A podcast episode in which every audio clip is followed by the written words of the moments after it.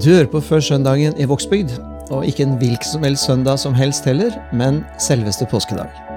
Dagen da døden døde, som C.S. Lewis kalte den.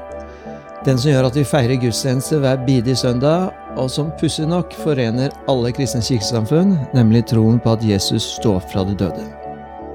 Denne episoden den byr på en samtale med Paul Ler Salvesen, som vi møtte jo før langfredagen. Og I dag skal vi snakke om lystigere ting enn da. Vi skal snakke om håp og liv, men også om det kompliserte.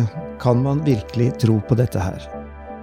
I tillegg så skal dere få en sang på slutten som Åsne Lovisa Halvorsen og Oskar Jansen var så stille å spille inn i kirken, nå i anledning denne dagen. Vi går rett på sak, og vi hører påskeevangeliet fra Lukas kapittel 24, som Erik Westman leser for oss, før vi hører hva Paul har å si om denne dagen.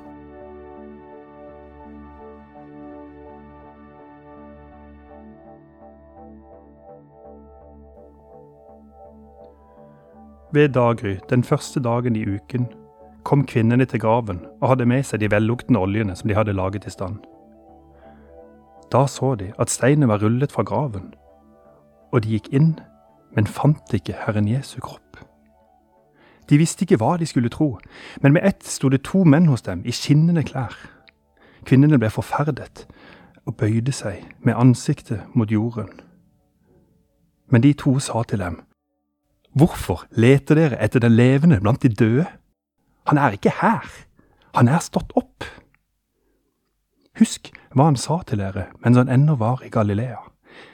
Menneskesønnen skal overgis i syndige menneskers hender og korsfestes, og den tredje dagen skal han stå opp.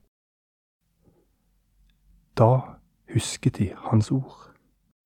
Og de vendte tilbake fra graven og fortalte alt dette til de elleve og til alle de andre. Det var Maria Magdalena, Johanna og Maria, Jakobs mor, som sammen med de andre kvinnene fortalte dette til apostlene. Men de mente det hele var løst snakk, og trodde dem ikke. Peter sto likevel opp og løp til graven, og da han bøyde seg inn i den, så han ikke annet enn linklærne. Så gikk han hjem fylt av undring over det som hadde hendt.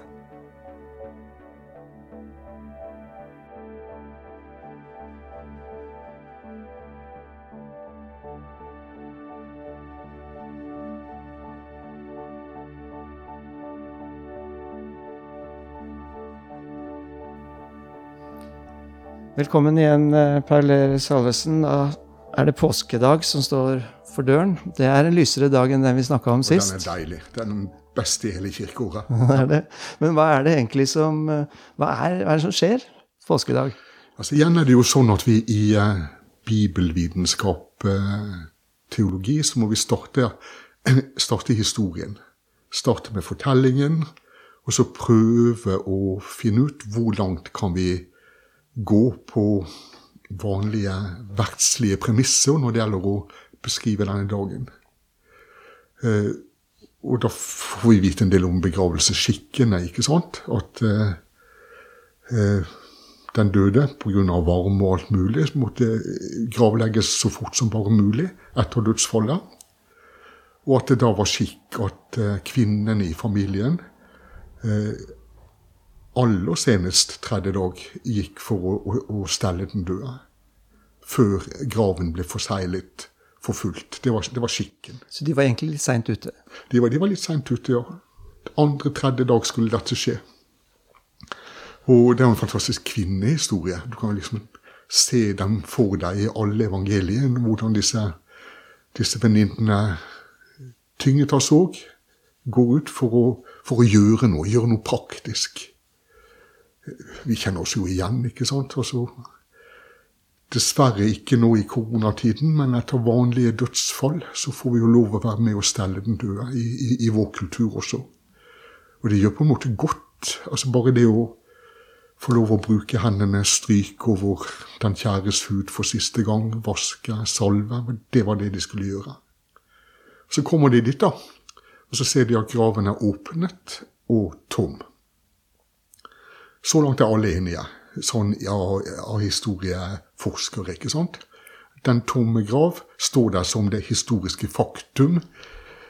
Like mye et faktum som selve korsfestelsen. Det er ikke noen seriøse historikere som virkelig bestrider disse to begivenhetene som historiske begivenheter.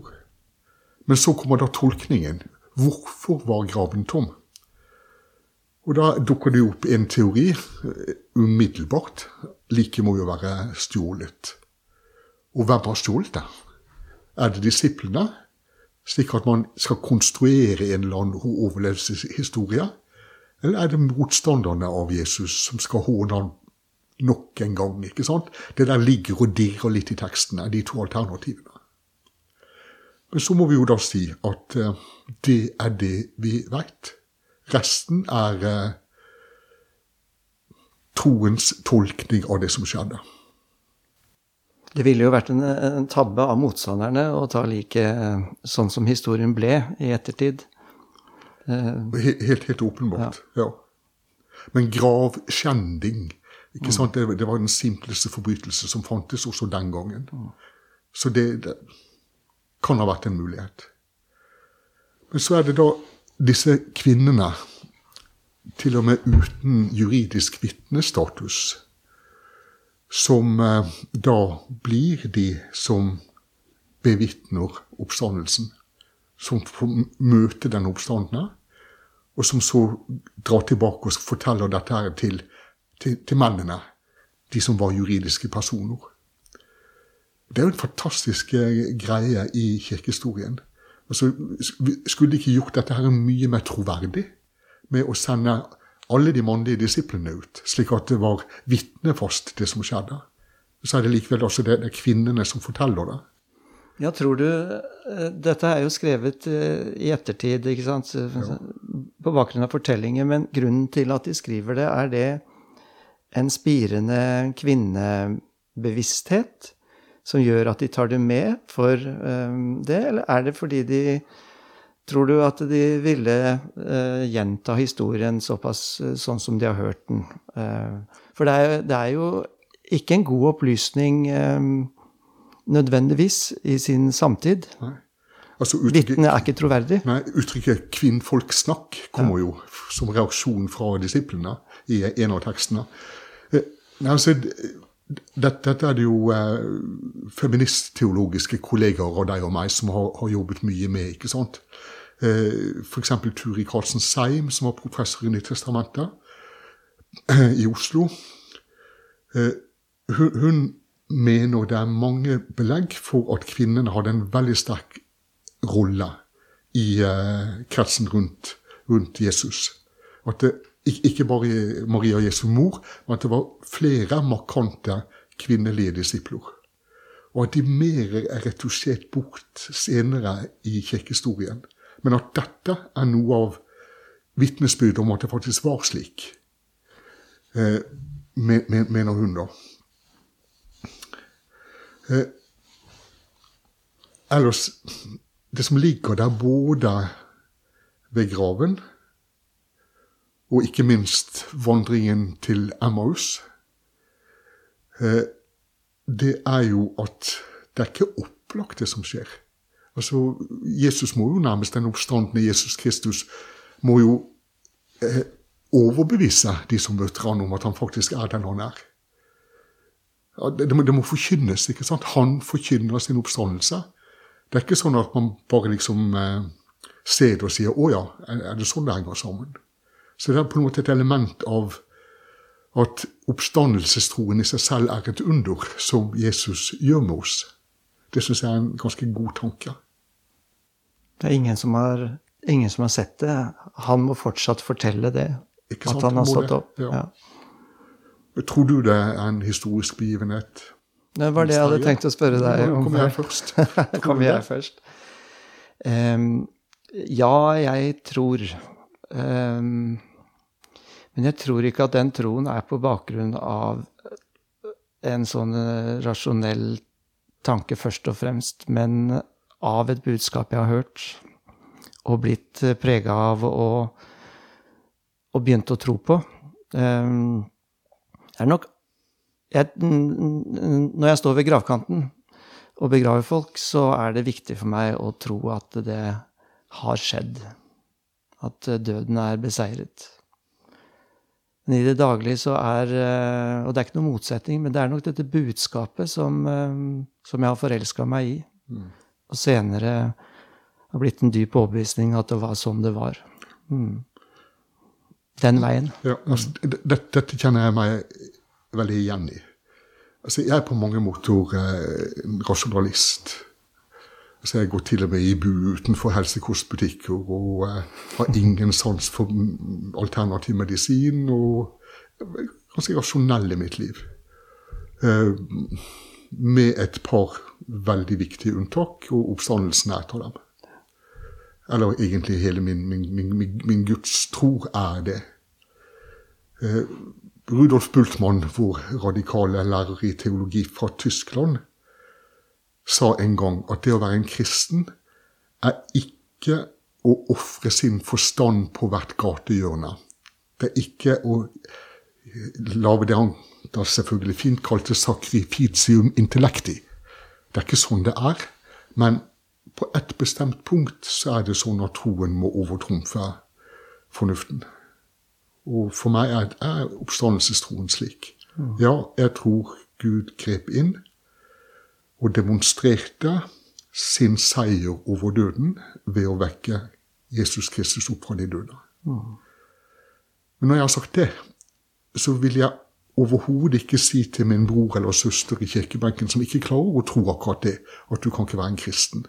Og Der går jeg litt i rette med Paulus. Ja, for han sier jo det at eh, troen er tom hvis ikke Kristus er stått opp fra det døde. Ja, jeg, jeg, har lyst til å ta opp det med han hvis jeg får lov å møte han.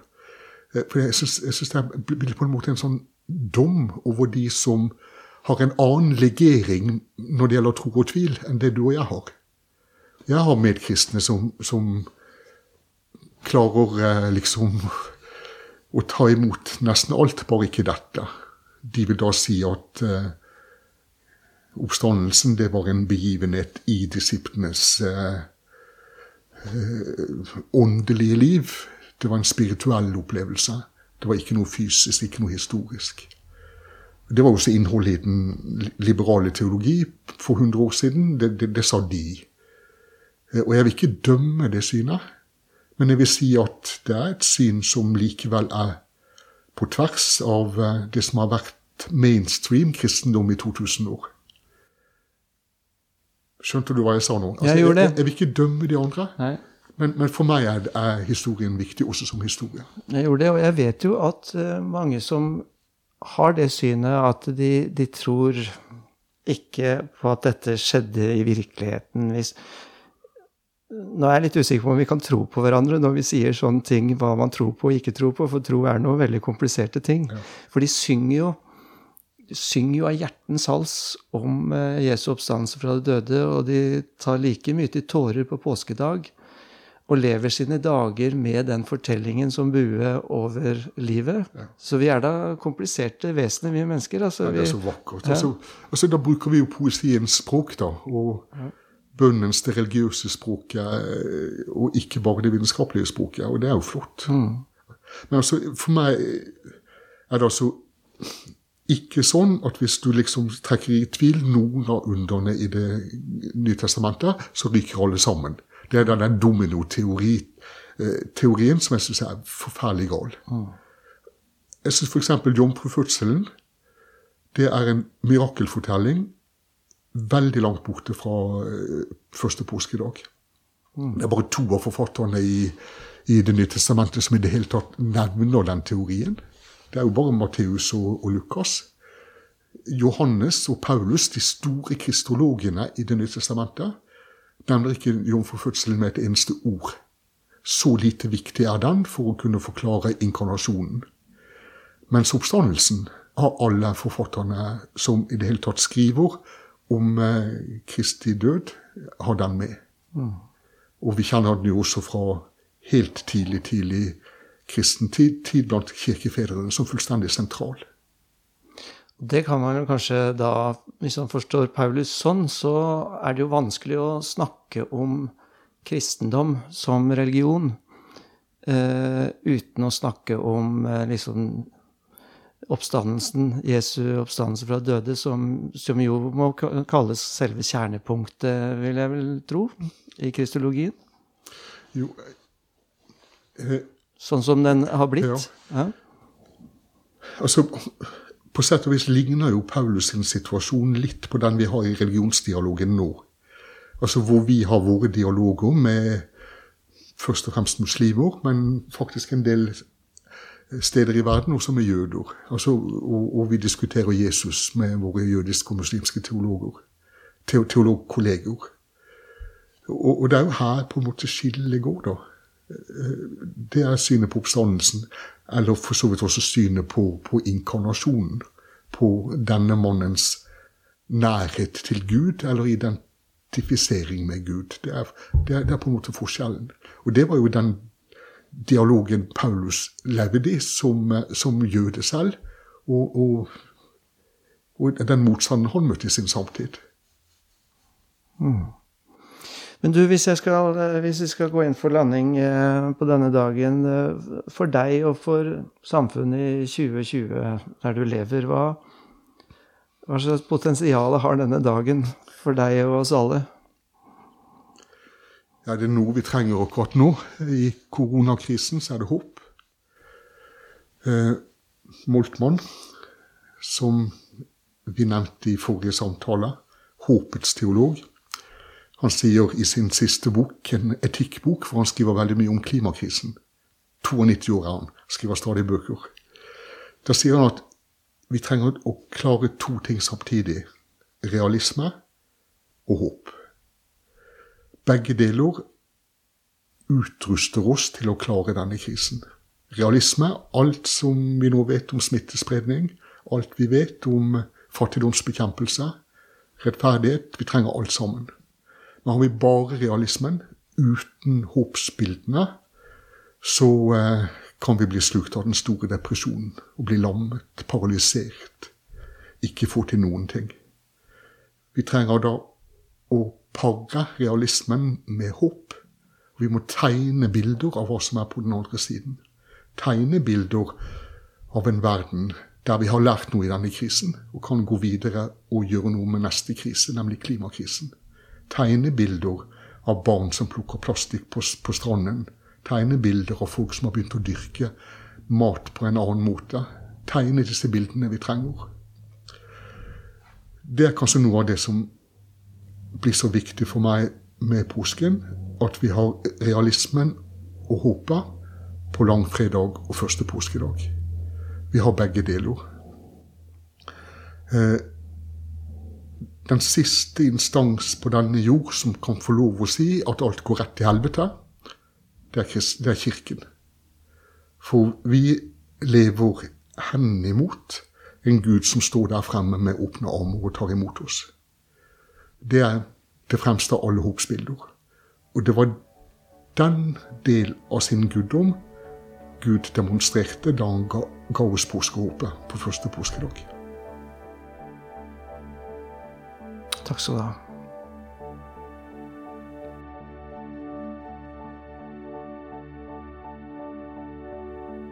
Det var Paul Ehr Salvesen om påskedag. Så blir det jo utrolig rart å ikke kunne møtes i kirken på denne søndagen, og ikke kunne synge påskemorgen sammen, eller Dine hender er fulle av blomster, eller Deg være ære, eller noen andre sanger sammen. Men som et plaster så får vi høre hva Oskar Jansen spilte, og hva Åsne Lovise Halvorsen da de sang en påskehilsen til oss her fra kirken. Men aller først, ta med deg Herrens velsignelse. Herren velsigne deg og bevare deg. Herren la sitt ansikt lyse over deg og være deg nådig. Herren løfte sitt åsyn på deg og gi deg fred.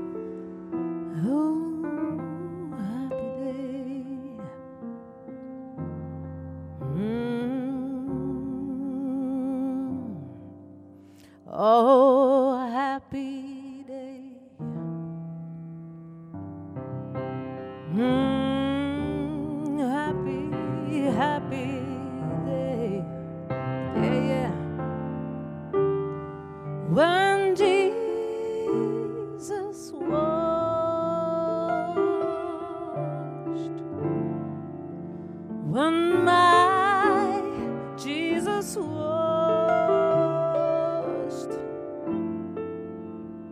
when my Jesus washed, He washed my sins away. Yeah. Oh, it was a happy day. Oh, happy day.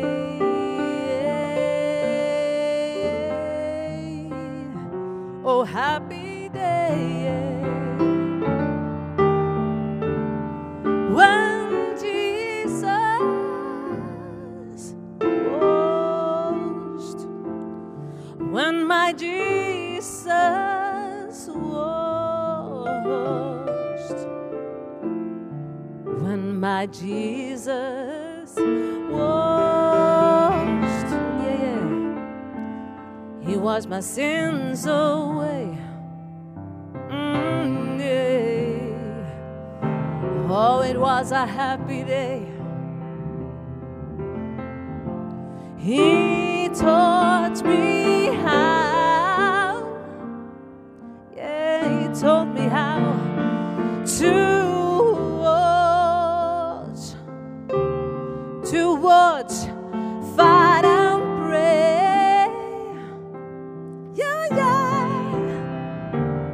fight and pray.